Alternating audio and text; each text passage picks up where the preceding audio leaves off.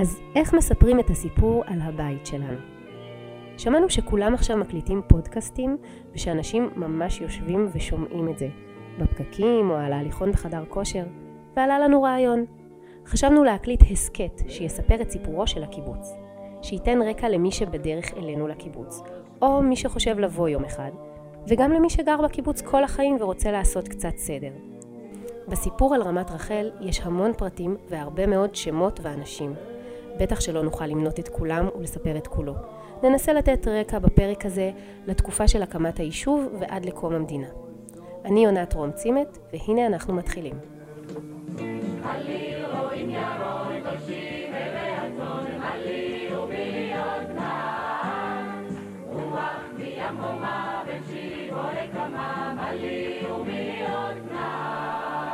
אז מי היו אותם אנשים שהגיעו לגבעה מבודדת בדרום ירושלים בשנות ה-20? למה החליטו להגיע דווקא לכאן? למה זה היה מבצע מסובך כל כך? ולמה הוא רק הלך והסתבך? לוקיישן, לוקיישן, לוקיישן. זה הסיפור שלנו חברים. וגם לא מעט נסיבות. קבוצה של חלוצים שהשתייכו לפלוגת ירושלים של גדוד העבודה ועבדו בעבודות קשות ומפרכות, חיפשו מקום להשתקע ולהתיישב בו.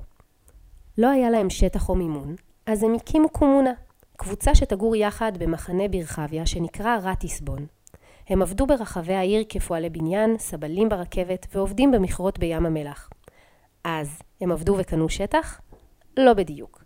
הם השיגו מימון מזלמן שוקן לקנות אדמת טרשים בדרום מזרח ירושלים, רחוק ובמנותק מכל יישוב יהודי בסביבת העיר. קיבלנו מחברת הכשרת היישוב במתנה אוהל גדול למדי.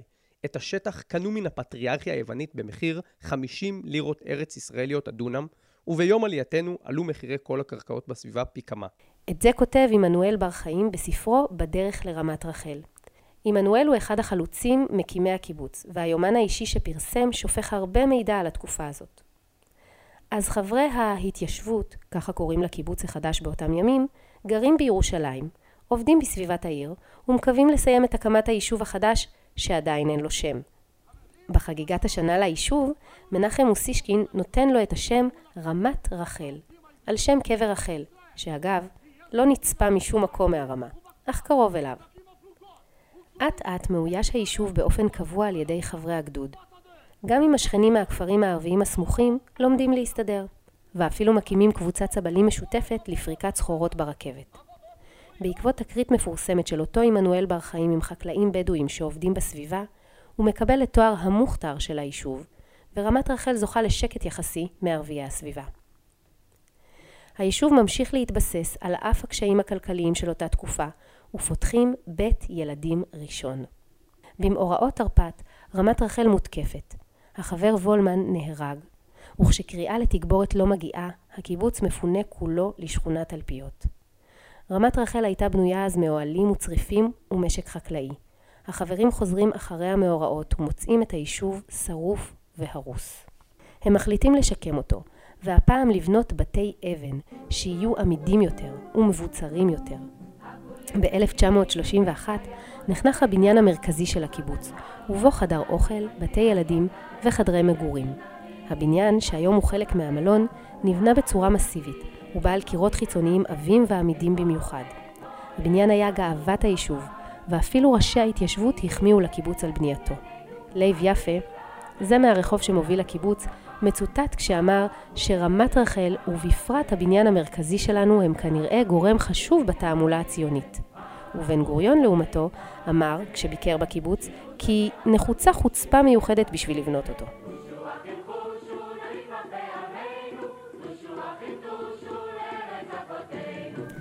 על רקע המרד הערבי הגדול שמתחיל ב-1936, הקיבוץ מותקף כמה פעמים ביריות, אך לא נעשית התקפה של ממש. חברי הקיבוץ מחזקים את המערך הביטחוני ואף מתגייסים לכוחות הביטחון השונים. המשק ממשיך ומתבסס. מקימים מאפייה ומכבסה, בית ספר, לול תרנגולות, רפת וכן חברת הובלות. בנוסף, חברי הקיבוץ עובדים מחוץ לקיבוץ בסבלות רכבת ובחברת האשלג בים המלח ובאתרי הבנייה בירושלים. מה, רק עובדים? גם בתחום התרבות מתקיימת פעילות ענפה של הרצאות, רסיטלים ומופעים. אומנים מבקרים במקום, והסופר שי עגנון הופך להיות בן בית ברמת רחל.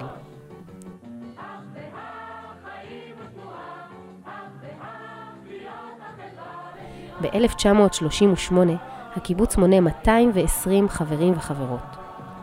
אז החלוצים החרוצים מגדוד העבודה קנו אדמה זולה בקצה של ירושלים, אבל מסתבר לנו שהקיבוץ יושב בנקודה אסטרטגית וחשובה מאוד במבואות הדרומיים של ירושלים.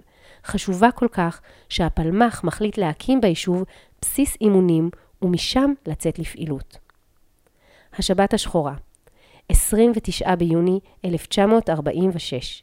חיילים אנגלים פורצים לקיבוץ לחפש נשק. הם עוצרים כ-70 חברים וחברות, ולוקחים אותם למאסר במחנות מעצר בלטרון וברפיח. הם לא מוצאים את הנשק, וגם לא את הסליק. אם אתם עוברים היום במלון של הקיבוץ, אתם כבר יכולים למצוא את הסליק. חפשו את השלט. שנת 1948. הקיבוץ מונה כ-400 איש. אחרי שקלט גם חלק מהורי החברים, ונחשב לאחד הקיבוצים המבוססים ביותר בתנועה הקיבוצית מבחינה חברתית וכלכלית. המשק מחזיק שטחי אדמה לעיבוד מטעים וענפים שנותנים שירותים לעיר, ממש כמו בחזון המקורי. אך הוא עדיין יישוב יהודי בודד במבואות ירושלים, ונתפס כנקודה אסטרטגית לבלימת כוחות אויב הרוצים לכבוש את העיר ירושלים ואת היישוב היהודי. עם נפילת גוש עציון, רמת רחל תעמוד כנקודה אחרונה המגנה על ירושלים, ולכן תעבור קרבות קשים בהמשכה של מלחמת העצמאות. במשך 22 שנות קיומה של רמת רחל, התרגלו שכנינו להעריך את כוחנו וגם את שאיפות השלום שלנו, והתייחסו אלינו בכבוד ובדרך ארץ. אנו לא השלינו את עצמנו, וידענו כי אם גם אמיתי רצונם של שכנינו לשמור על השלום בינינו, והיה לנו יסוד לחשוב כי בכנות רוצים הם בכך, הרי הדברים תלויים בהם אלא במידה מועטה בלבד. זה הציטוט מיומנו של בר חיים, שמספר מעט על היחסים עם השכנים הערבים בתקופת מלחמת העצמאות. אנו מכריזים בזאת על הקמת מדינה יהודית בארץ ישראל. היא מדינת ישראל. ערב הכרזת העצמאות, דבר גדול נפל בישראל, ורמת רחל, כאמור, עומדת כיישוב בחזית. יום הכרזת המדינה. הבריטים יוצאים מהמחנות הצבאיים, וערביי הסביבה משתלטים על המחנות הנטושים. כוח פלמ"ח התארגן לכבוש את מחנה אלנבי הסמוך לקיבוץ. בן הקיבוץ, אמנון רוחין, נהרג בקרב. 15 במאי בלילה. בעקבות הנסיבות הביטחוניות מסביב, הוחלט להוציא את כל הבלתי לוחמים. זאת אומרת, לפנות את כל הנשים והילדים מהקיבוץ, והגברים יישארו לשמור. את המפונים ישכנו בבית ספר לבנים בעיר ברחוב הרב קוק. ב-19 במאי החלה הפגזה קשה על רמת רחל שנמשכה יומיים. ביום השלישי להתקפה, 22 במאי, הגיעו כוחות מצרים שעברו דרך בית לחם אל גדרות הקיבוץ. הקשר בין עמדות השמירה נותק, וקבוצת חברים שחשבה שנשארה אחרונה, החליטה לסגת לירושלים במשוריין. המשוריין מופצץ ושמונה מהם נהרגים. המצרים כובשים את היישוב. פלוגה של הפלמ"ח הצליחה לשחרר את הקיבוץ עד חמש אחר הצהריים עוד באותו היום. ביום למחרת, 23 במאי, המצרים תוקפים שוב והקיבוץ נכבש שוב, והוא בידיים מצריות. אותה פלוגה של הפלמ"ח כובשת את הקיבוץ בשנית ללא התנגדות, ומוחלפת על ידי כוח של חיל המשמר, שכולל אנשים מבוגרים יותר, שתפקידם לשמור על הנקודות. הקיבוץ בידיים ישראליות. התקפה שלישית כוחות מצריים מתוגברים בטנקים נעים לעבר הקיבוץ מכיוון מנזר מר אליאס. ומכיוון צור בכר עולים כוחות ירדנים. החברים נלחמים במעט התחמושת בכוחות גדולים מהם וחמושים היטב. משוריין עם כוח נוסף שיתגבר את הלוחמים נשלח אל רמת רחל. המשוריין נפגע מטיל נ"ט ומפקד הכוח נהרג. המשוריין נסוג וכוחות הליגיון חוזרים להשתלט על הקיבוץ. הקיבוץ בידי האויב. בינתיים במצרים, המצרים מנפיקים סדרת בולים לניצחון בקרב על רמת רחל. למחרת, 25 במאי 1948, מצליחים לוחמי פלמ"ח להשתלט על הקיבוץ מחדש, והפעם הזו, לתמיד. עשרה חברים וחברות נהרגו במהלך הקרבות. הבתים והשדות של רמת רחל נחרבו ונשרפו, ורק המבצר, הבניין המרכזי, עמד על תילו, מחורר כדורים ופגזים. ההרס הכבד של היישוב בעקבות הקרבות האבדות בנפש, וכן העובדה שחברי הקיבוץ לא התגוררו בו והיו מפוזרים במקומות שונים בארץ, ערערו את אחדות הקבוצה. היישוב שבנו במשך יותר מ-20 שנה נחרב. וכך הוא עומד נטוש במשך שנה וחצי. הגבעה חזרה להיות שוממה. בינתיים, ברודוס, הירדנים רוצים לספח את רמת רחל במסגרת שיחות שביתת הנשק ולהחזיר בתמורה את הר הצופים והאוניברסיטה. משה דיין, מפקד ירושלים באותה תקופה, מחליט שלא לוותר על רמת רחל ומורה לקיבוץ לנטוע כרם, שעל פיו נקבעו בהסכמי רודוס גבולות שביתת הנשק בין ישראל וירדן. מה שיהיה הקו הירוק. זאת אומרת שחברי רמת רחל בעבר קבעו את גבולות מדינת ישראל בדרום ירושלים. חברים, בשעה קשה זו נתכנסנו לאספה גורלית זו כדי להחליט. האם נמשיך יחד כקומונה, או שכל פרט יפנה לגורלו? האם נחזור לרמה ונשקמה, או שנלך ונבנה קבוצה חדשה? חזרה לישראל. חברים, חברי הקיבוץ יושבים ברעננה. ומתווכחים האם לחזור ליישוב ההרוס כדי לשקמו. הקיבוץ כרגע לא ראוי למגורים. הענפים והמשק החקלאי נחרבו לחלוטין. הקבוצה נקרעת לשני מחנות. מחנה אחד שאומר שאין עתיד לקיבוץ חרב ללא עתודות קרקע וסמוך כל כך לעיר, והם מצטרפים למקימים של קיבוץ עין כרמל.